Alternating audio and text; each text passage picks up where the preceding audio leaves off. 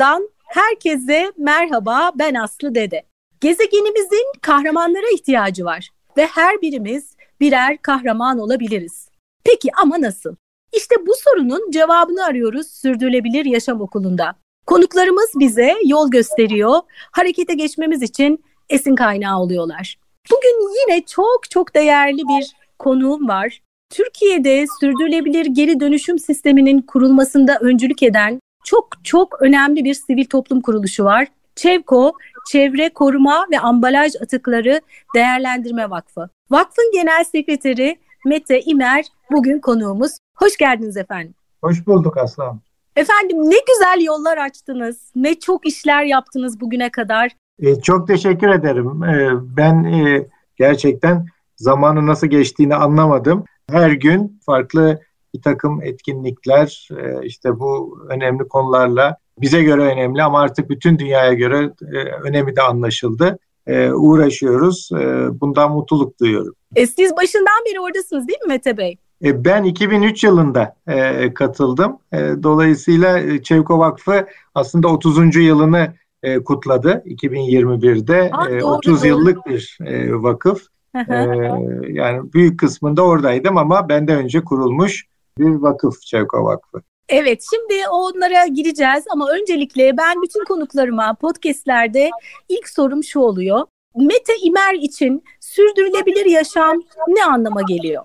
Ee, şimdi bu soruyu sorunca ben gezegenimizi düşünüyorum. Uzayda mavi gezegen e, dediğimiz gerçekten e, 4,5-5 milyar yıldır yaşayan bir gezegen ve üzerinde e, insanlar başta olmak üzere e, çeşitli canlılar, cansızlar, e, önemli bir doğa gördüğümüz muhteşem e, güzelliklerle dolu bir bir gezegen. Ve burada yaşam, buradaki yaşamın devam etmesi. 5,5 5 yıl 5 milyar yıllık bir zaman sürecinde bu noktaya gelen gezegenimizi daha da uzun e, milyarlarca yıl e, devam etmesi bunu bunu düşünüyorum. Her şeyden önce sürdürülebilir yaşam deyince.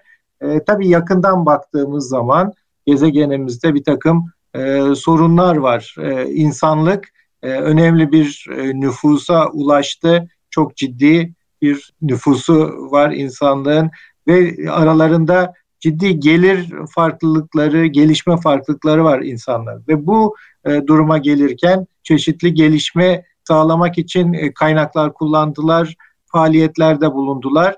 Bu arada e, bu biyoçeşitlilik dediğimiz diğer canlılar, e, doğanın diğer cansız da olabilecek diğer parçalarına bir takım etkilerde bulundular. Ve sonunda geldiğimiz noktada gerçekten iklim değişikliği krizi dediğimiz çok ciddi bir krizle karşı karşıya kaldık. E, işte e, sürdürülebilirlik, e, sürdürülebilir yaşam bizim e, bu karşımıza çıkan sorunları hep birlikte bencillikten uzaklaşarak, önümüzdeki e, kuşakları düşünerek, daha sonraki yılları, yüzyılları düşünerek çözüm getirmemizi gerektiren bir e, e, konu oldu. Sürdürülebilir yaşam e, böyle bir şey ve bunu hepimiz ancak hissedersek ve eyleme geçersek e, başarıya ulaşmamız e, mümkün. Bunları söylemek istiyorum. Evet Mete Bey siz kişisel yaşamınızda, yaşam biçiminizde sürdürülebilirlik için e, değiştirdiğiniz yaşam alışkanlıklarınız var mı? E, evet ben e, uzun zamandır Çevko Vakfı'nda çalışıyorum. Tabii e, burada e, çalışmak e, bana her şeyden önce geri dönüşüm konusunda bir farkındalık e, e, getirdi. Bunu yaşamımda alışkanlık e, haline getirdiğim hem evimde hem iş yerimde e, değerlendirilebilir atıkları, ambalaj atıklarını ayrı biriktirmek, bunları geri dönüşüm sistemine vermek e, bir e, önemli, vazgeçilmez bir alışkanlık e, durumuna dönüştü.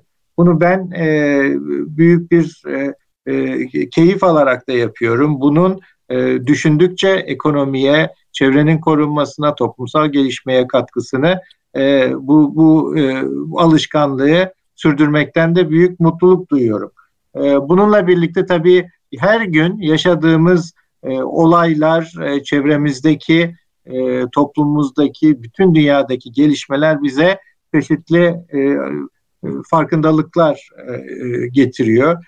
Suyun ne kadar önemli olduğu, onun için günlük yaşamımızdaki yapacağımız su tasarrufunun önemi, elektrik enerjisini ne kadar önemli olduğu, bunları uygun şekilde kullanmak, tasarruf etmenin önemi, ulaşımda mümkün olduğu kadar fosil yakıtlardan uzaklaşmak, ulaşım alışkanlıklarımızı değiştirmek, yiyeceklerimiz, giyeceklerimiz bütün bunlar gerçekten bizi bugün geldiğimiz noktada beni kişisel olarak soruyorsanız önemli alışkanlıklar edinmeye, eski alışkanlıklarımı değiştirmeye sevk etti. Ama bunu ben bilinçli olarak yapıyorum, yaptığım için bundan da mutluluk duyuyorum. Bunu ben çevreme de her zaman söylüyorum, örnek olmaya çalışıyorum.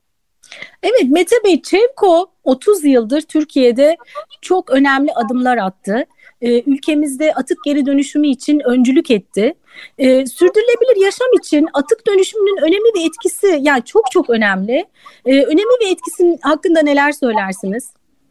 E, e, atıkların geri dönüşümü her şeyden önce e, bir e, azalan e, kısıtlı kaynaklar e, e, içinde bütün dünyayı düşündüğümüzde artan nüfusu düşündüğümüzde bir çözüm sunuyor. Yani e, daha az ham madde kullanarak, daha az enerji kullanarak e, ürünleri üretmek, atıklardan yeni ürünler elde etmek, onları yeni ürünlerin üretiminde kullanmak. Bu bakımdan önemli. Çevko Vakfı aslında 1991 yılında bundan 30 e, yıl önce e, Türkiye'de sürdürülebilir bir geri dönüşüm sisteminin kurulması e, amacıyla e, yola çıktı ve yaptığımız çalışmalar e, gerçekten bu e, yolda e, adımlar atılmasına katkı sağladı. Bunun e, yalnızca kurumsal olarak e, yapılması mümkün değil.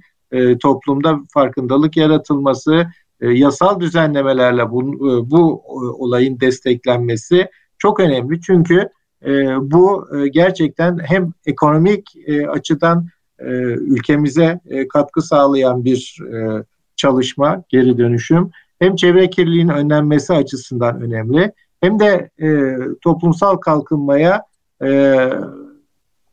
ilerleme yol almak için de önemli bir adım olarak görüyorum. Evet siz e, özellikle kurumlarla e, 30 yıldır çalışıyorsunuz. Bireylere yönelik yaptığınız çalışmalar da var. E, dönüşüm için kurumların ve bireylerin sorumlulukları neler ve e, dönüşüm kurumlara ve bireylere hangi kazançları sağlıyor? E, bu soruyu e, yanıtlamak için şöyle bir örnekten e, yola çıkmak istiyorum. Daha kolay e, anlaşılması bakımından. E, bir e, ambalajlı ürün düşünelim. E, bu ambalajlı ürün e, e, içine e, ürünün kendisini üreten bir piyasaya süren ve o ürünü e, piyasaya sunmak üzere ambalaj içine koyduğu ve ambalajın da e, ambalaj üreticisi tarafından üretildiği bir e, süreçle başlıyor. Ondan sonra bu ürünün e, ambalajlı ürünün satış noktalarına e, sevk edilmesi, satış noktalarında bireyler tarafından e, satın alınması tüketilmesi ve elde kalan e, ambalajın, atığın e, aslında o tüketicinin, o bireyin elinde bir güç olarak bir e, e, çözüm e, sunması. Yani onu birey e, bir e, e, güç elindeki güç olarak geri dönüşümü, yeni bir ürünün üretilmek üzere e, bir e, yola sokabilir veya çöpe atabilir. O da e, o zaman e, tamamen e, işte e, işe yaramaz bir e, e, halde e, yaşamını tamamlamış olabilir. E, bu nokta önemli, orası kritik. E, bireylerden sonra bu ürünün, e, bu e, atığın e, belediye e, veya belediye ile işbirliği yapan bir lisanslı toplama ayırma tesisi tarafından toplanması, ayırma tesisinde ince ayrıma tabi tutulması ondan sonra da geri dönüşüm tesisine e, götürülüp burada e, yeni ürünler e, üretiminde kullanılması. İşte benim tanımladığım bu e, zincirin e, halkaları aslında burada sorumlu taraflar. Yani ambalaj üreticileri, piyasaya sürenler, satış noktaları, bireyler, e, belediyeler, e, lisanslı toplama ayırma tesisleri, geri dönüşüm tesisleri, bütün bu zincirin önemli halkaları ve hepsinin önemli sorumlulukları var. Geri dönüşümü gerçekleştirmek için bu sorumlu e, tarafların üzerine düşenleri yerine getirmesi gerekiyor. Yoksa e, halkalardan bir tanesinde bir e, aksaklık veya e, eksiklik e, bütün e, sistemin, e, bu zincirin e, zayıflamasına, sonucun olumsuzlaşma o hale gelmesine, verimsizleşmesine neden olabiliyor.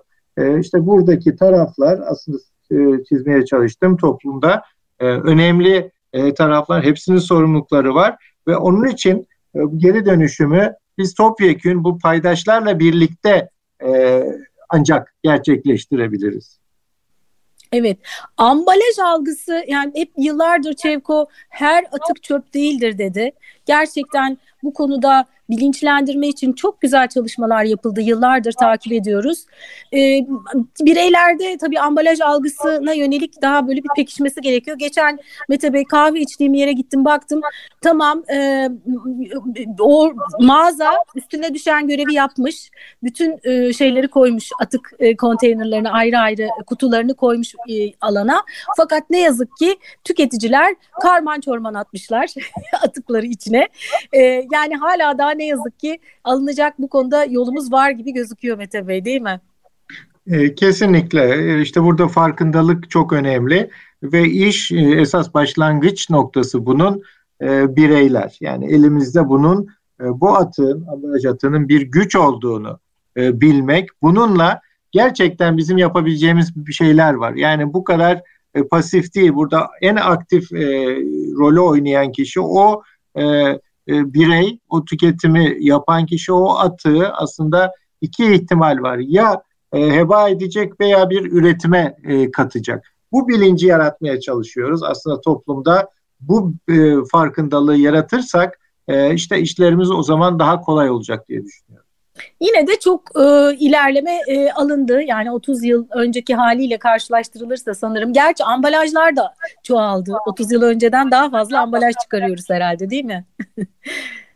e, kesinlikle üretimin artması, e, gelişme, e, tabii ambalajın e, önemli fonksiyonu da fonksiyonlarını unutmamak lazım. Ambalaj sadece e, biz atık haline dönüşüyor. O noktadan sonra tabii e, bizim için önem kazanıyor. Bunu e, geri dönüştürmeye çalışıyoruz ama başlangıçta da ambalajın ürünün konum, e, korunmasında, e, nakliyesinde, üzerinden e, bireylere, tüketicilere belli bilgilerin verilmesinde önemli e, görevi var. E, bu bakımdan e, bu da bir gelişme süreci sonucunda ortaya çıkmış bir e, ürün kendi başına da ambalaj ama onu en iyi şekilde daha az kullanacak, tasarruflu bir şekilde kullanacak, e, en az atık üretecek şekilde e, tasarlamak ve atık olduktan sonra da dediğim gibi değerlendirmek, tekrar üretim sürecine e, sokmak e, önemli burada. Bir de süreç içerisinde ambalaj tasarımında da çok güzel e, gelişmeler oldu. Daha dönüşebilir ambalajlar üzerine yeni fikirler çıkıyor değil mi? İnovatif bir sürü düşünce gelişti süreç içerisinde. E, yani güzel gelişmeler de var. E, e aynen dediğiniz gibi şimdi bir e, hep bir gelişme içindeyiz aslında.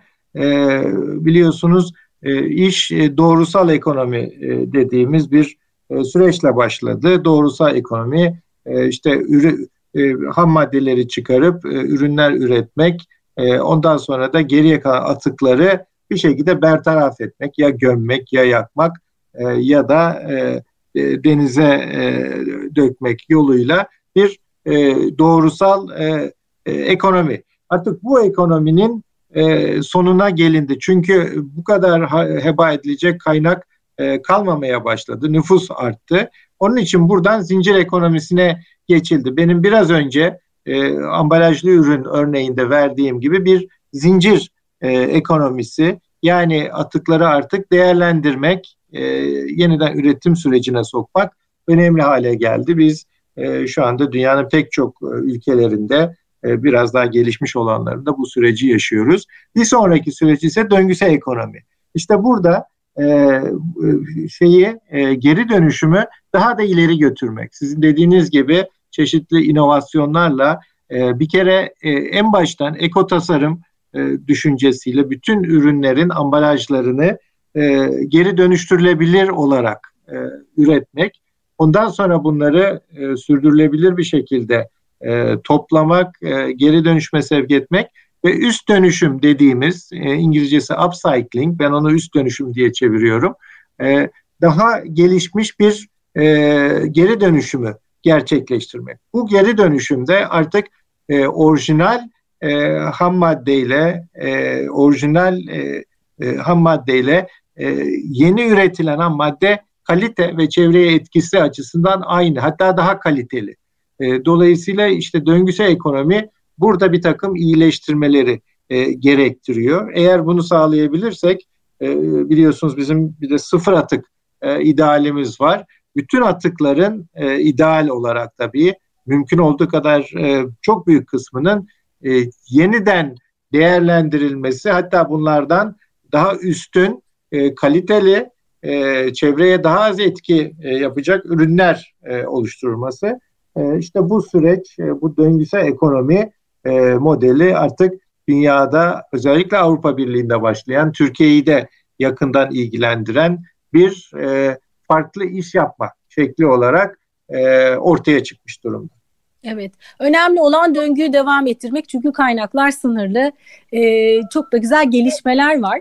Şimdi Çevko Türkiye'de sürdürülebilir geri dönüşüm sisteminin kurulmasına öncülük etti. Tabii e, hem bir, çok fazla bilgi birikti hem de deneyim birikti Çevko'da.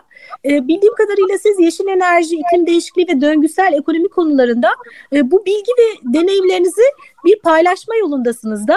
Neler yapıyorsunuz bunun için? E, evet Çevko Vakfı aslında 30 yıl önce e, sürdürülebilir bir geri dönüşüm sisteminin Türkiye'de kurulması, geliştirilmesi amacıyla e, yola çıktı. Bu konuda e, çalışmalar yürüttü. Özellikle ambalaj atıklarının geri dönüşüm konusunda uzmanlaştı. E, geldiğimiz noktada ama biraz önce konuştuğumuz gibi e, çok ciddi insan o, insanlık sorunlarla karşı karşıya e, kalmış durumda. Bunlardan bir tanesi iklim değişikliği, iklim krizi diyoruz artık, iklim kriziyle savaşım. Bir başkası da e, buradan bir çıkış yolu olarak gözüken döngüsel ekonomiye geçiş.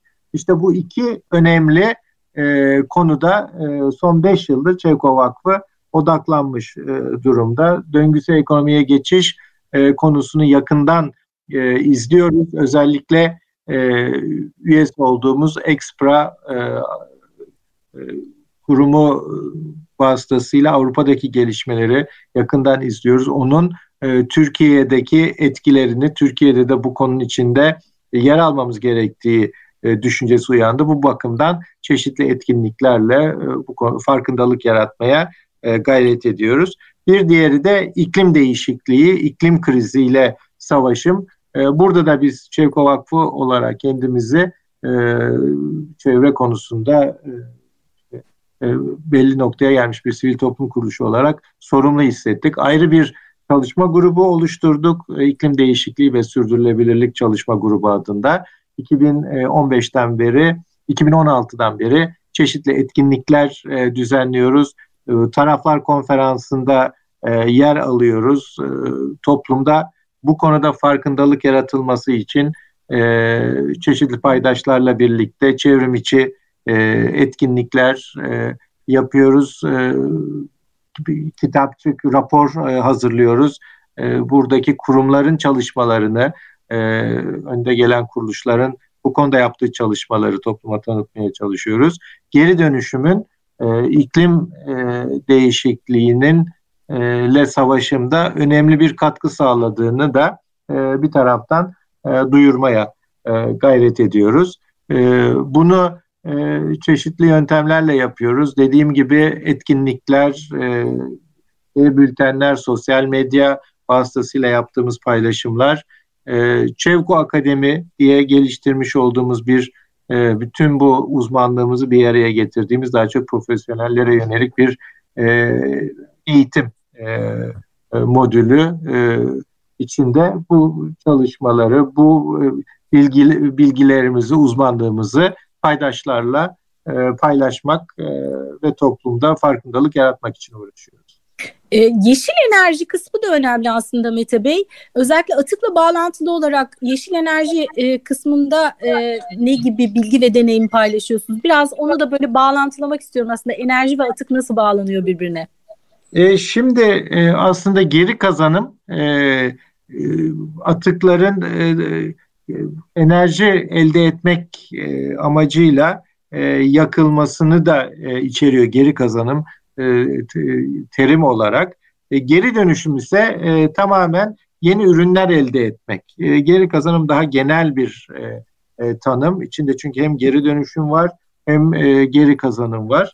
E, enerji e, elde etmek atık hiyerarşisine göre nispeten e, daha aşağıda olan bir şey. Çünkü önce bir ürün üretmek burada esas. Eğer o ürün e, yapılamayacaksa bu atıklardan o zaman en azından onu e, yakarak enerjisini e, den yararlanmak e, ve e, bu bakımda e, ekonomiye kazandırmak e, önemli.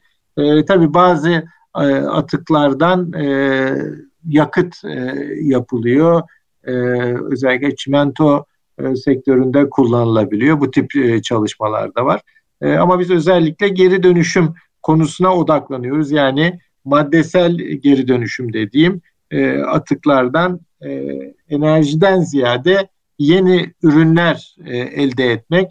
E, buna tabii çeşitli malzemelerden ben bahsediyorum. Plastikler, cam, e, kağıt, karton, e, metaller, e, kompozit malzemeler, ahşap bütün bunlardan yeni ürünler elde etmek mümkün. Bu mümkün olmazsa ürün şey yapar dediğim gibi enerji elde etmek amacıyla e, yakmak da bir e, aslında geri kazanım e, şekli. E, evet bunları söyleyebilirim. Evet. E, aynı zamanda Çevko Türkiye'de böyle öncülük etmekle birlikte yurt dışına da e, destek e, vermeye başladı değil mi? Orada da e, bazı çalışmalarınız var. Bilgi ve deneyimlerinizi yurt dışında da paylaşıyorsunuz.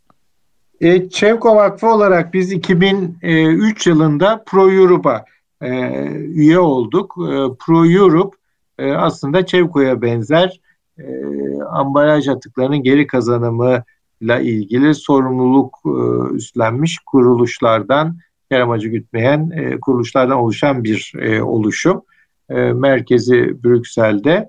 E, daha sonra da 2011-12 yıllarında da e, Expra diye e, gene benzer bir kuruluş e, kuruldu. Bunun hatta kurucu üyelerinden birisi Çevko. E, bu da gene Brüksel odaklı bir e, uluslararası e, e, kuruluş. E, burada da yerimizi aldık. Tabii burada e, hem e, işbirliği ve iletişim e, yani Türkiye'de yapılanlar, yurt dışında yapılanlar fark karşılaştırma ola, olana yakalıyoruz. Hem de birlikte çalışma gücü sağlıyoruz. Gerçekten bu döngüsel ekonomiye geçişi yakından izleme olanağını biz e, Expra'ya olan üyeliğimiz sayesinde elde ettik. Orada elde ettiğimiz bu bilgileri, e, deneyimi burada ülkemizde işte e, paylaşmak çeşitli taraflarla, yetkililerle e, bizim açımızdan önemliydi. Bir köprü görevi e, görmeye çalışıyoruz diyebilirim kendi alanımızda. Evet, dinleyenlerden e, dinleyicilere aslında şunu da e, belirtmek istiyorum. Bütün gördüğünüz hemen hemen ambalajların üzerinde bir yeşil nokta e, logosu göreceksiniz. E, o da yine Çevko Vakfı'nın öncülüğünde oluşmuş bir e, proje değil mi? E, yeşil nokta e, aslında uluslararası bir işaret. E, sözünü ettiğim Pro Europe'a katıldığımız 2003 yılında biz bu yeşil noktanın e, da Türkiye'de kullanım hakkını e, elde ettik. Yeşil noktanın anlamı şu, e, sanayi kuruluşları bir araya gelerek e, atıklarının, e, ambalaj atıklarının, e, burada spesifik olarak tüketim sonrası e, ortaya çıkan ambalaj atıklarının toplanıp geri dönüştürülmesine e, finansal destek sağlıyorlar. Ve bu anlamda eğer bu çalışmayı yapıyorlarsa bir araya geliyorlar ve yeşil noktayı kullanıyorlar ambalajlarında.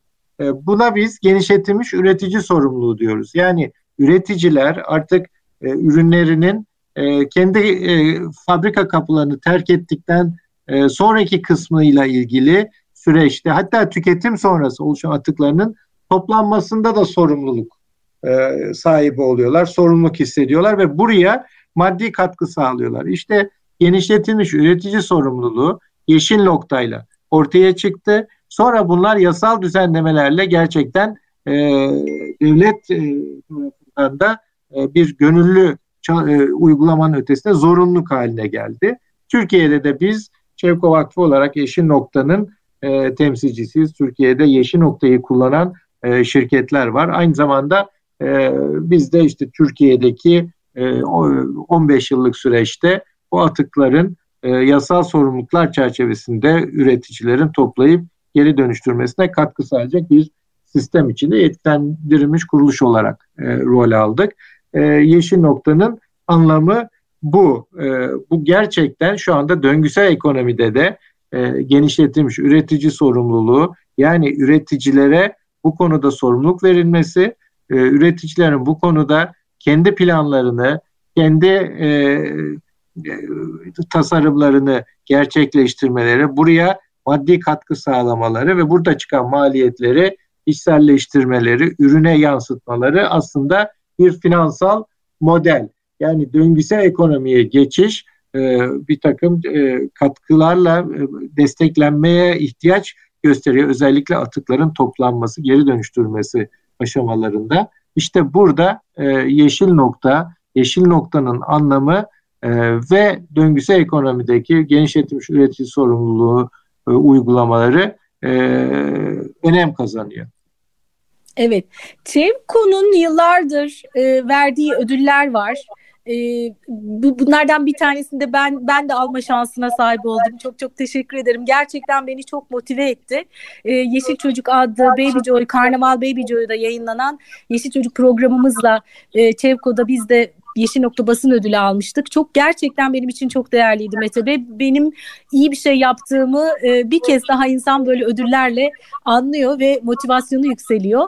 E, hep kurumlara veriyor, basına veriyor Çevko yıllardır. Şimdi de çok yeni bir şey başladı. Gençlerle çok güzel bir çalışma yapıyorsunuz ki ben e, basın e, toplantısını takip ettim ve gençleri dinleme olanağı da buldum ve gerçekten çok etkilendim. O kadar doğru, o kadar güzel bir çalışma ki minicik ondan da biraz bahsedelim isterim açıkçası.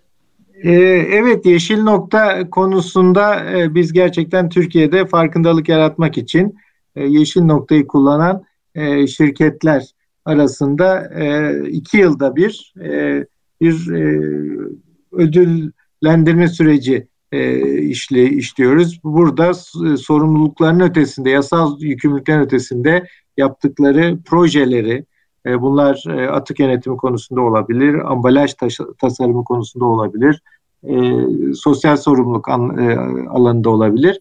Bunları değerlendiriyoruz bir jüri tarafından ve şirketlere Yeşil Nokta Sanayi Ödülleri veriyoruz. 2022 yılında da gene aynı bu ödülü vereceğiz.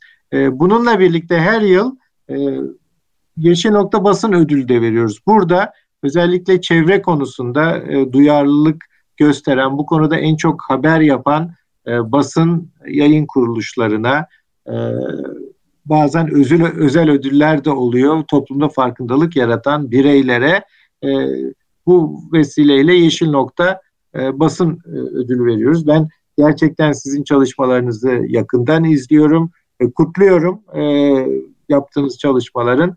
E, büyük e, katkısı var. Onun için ee, ben de size teşekkür ediyorum bu vasıtayla, bu vesileyle. Çok sağ olun. Ee, bir de son olarak e, dediğiniz gibi Yeşil Nokta Öğrenci Ödülleri e, verdik geçtiğimiz yıl. Özellikle üniversite e, öğrencileri arasından işte belli projeleri o yapanlara gene bir jüri tarafından bir ödüllendirme sürecini yaşadık. Bu e, bu şekilde çeşitli katmanlarda, çeşitli e, toplum çeşitli kesimlerini e, geri dönüşüm konusunda e, teşvik etmek istiyoruz. Bu anlamda verdiğimiz Yeşil Nokta ödülleriyle e, farkındalığı e, yaratmaya çalışıyoruz. Çok etkileyiciydi Mete Bey. Türkiye'nin dört bir yanından gençler, gelecek onların e, atık yönetimiyle ilgili yeni e, düşünceler, fikirler geliştirmişler. Bunları paylaştılar.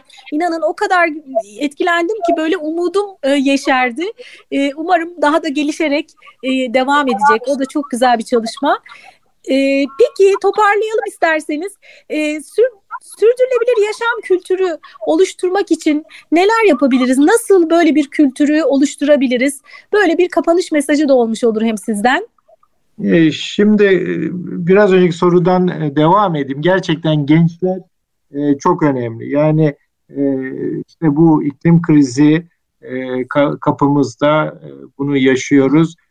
Bizim burada en büyük sorumluluğumuz yetişkinler olarak daha nispeten olgunlaşmış insanlar olarak temiz miras bırakmak. Gençler bu bakımdan çok önemli. Çocuklarımız bizim geleceğimiz. E, onlara bu konuda ne kadar destek olabilirsek, ne kadar farkındalıklarını e, yaratabilirsek ki e, zaten onlar bu e, şeyin farkındalar. Yani sürecin e, çok da iyi kavramış durumdalar. E, bu iklim e, konferansları vasıtasıyla zaten bunları e, görüyoruz. E, toplumda çeşitli etkinlikler seslerini yükseltiyorlar. Daha da yükseltmeleri gerekiyor. Ben gönülden destekliyorum.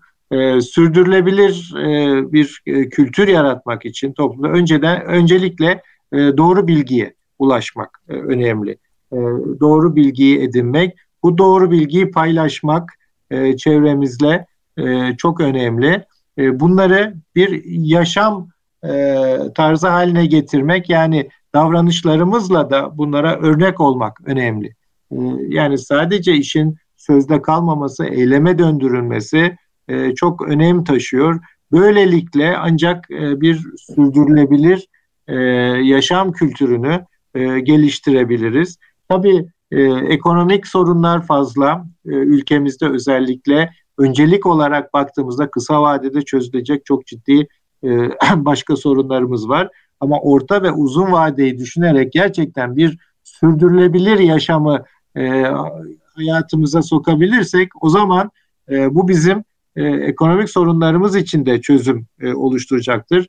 Çevremizin korunması için de e, gezegenimizde yaşamın mutlu e, sürmesi gelecek kuşaklarında e, bu konuda e, kendi e, üzerine düşeni yapabilmesi, onlara da fırsat e, tanıması bakımından e, çok önemli. Onun için e, hepimiz bu konuda bilgisi olanlar bu bilgilerini paylaşmalı, toplumda örnek olacak şekilde gençlerin ellerinden tutmalıyız. Biz bizim için önemli olan e, sorumluluklarımızın bilincinde bencilliklerden uzak e, eyleme geçmek. Artık sorunlar e, çok ciddi bilgi, bilimsel bilgi bize bu sorunların e, çözülmesi için harekete geçme zamanının e, çoktan geldiğini gösteriyor. Bütün bunları yapabilirsek ancak belki bu güzel mavi gezegenimizi kurtarabiliriz. Gelecek kuşaklara da yaşanabilecek bir gezegen, biyoçeşitliliğiyle yüksek bir gezegen bırakabiliriz. Bunu umut ediyorum. Çok çok teşekkür ediyorum Mete Bey. Verdiğiniz bu değerli bilgiler için ve bugüne kadar yaptığınız çalışmalar için çok çok teşekkürler. Ben teşekkür ederim Aslan. Evet, bir bölümün daha sonuna geldik. Bugün Çevko Çevre Koruma ve Ambalaj Atıkları Değerlendirme Vakfı Genel Sekreteri Mete İmer'le sohbet ettik. Bize nasıl ulaşabilirsiniz? Sosyal medyadan Sürdürülebilir Yaşam Okulu yazarak ya da sürdürülebiliryaşamokulu.com adresinden bize ulaşmanız mümkün. Ben Aslı Dede bir sonraki bölümde buluşmak üzere demeden önce her podcast'in sonunda söylediğim gibi başta ne söylemiştik? Tüm canlılarla birlikte dünyada yaşamın sağlıkla sürmesi için gezegenimizin kahramanlara ihtiyacı var. Ve o kahraman sen olabilirsin. Harekete geç.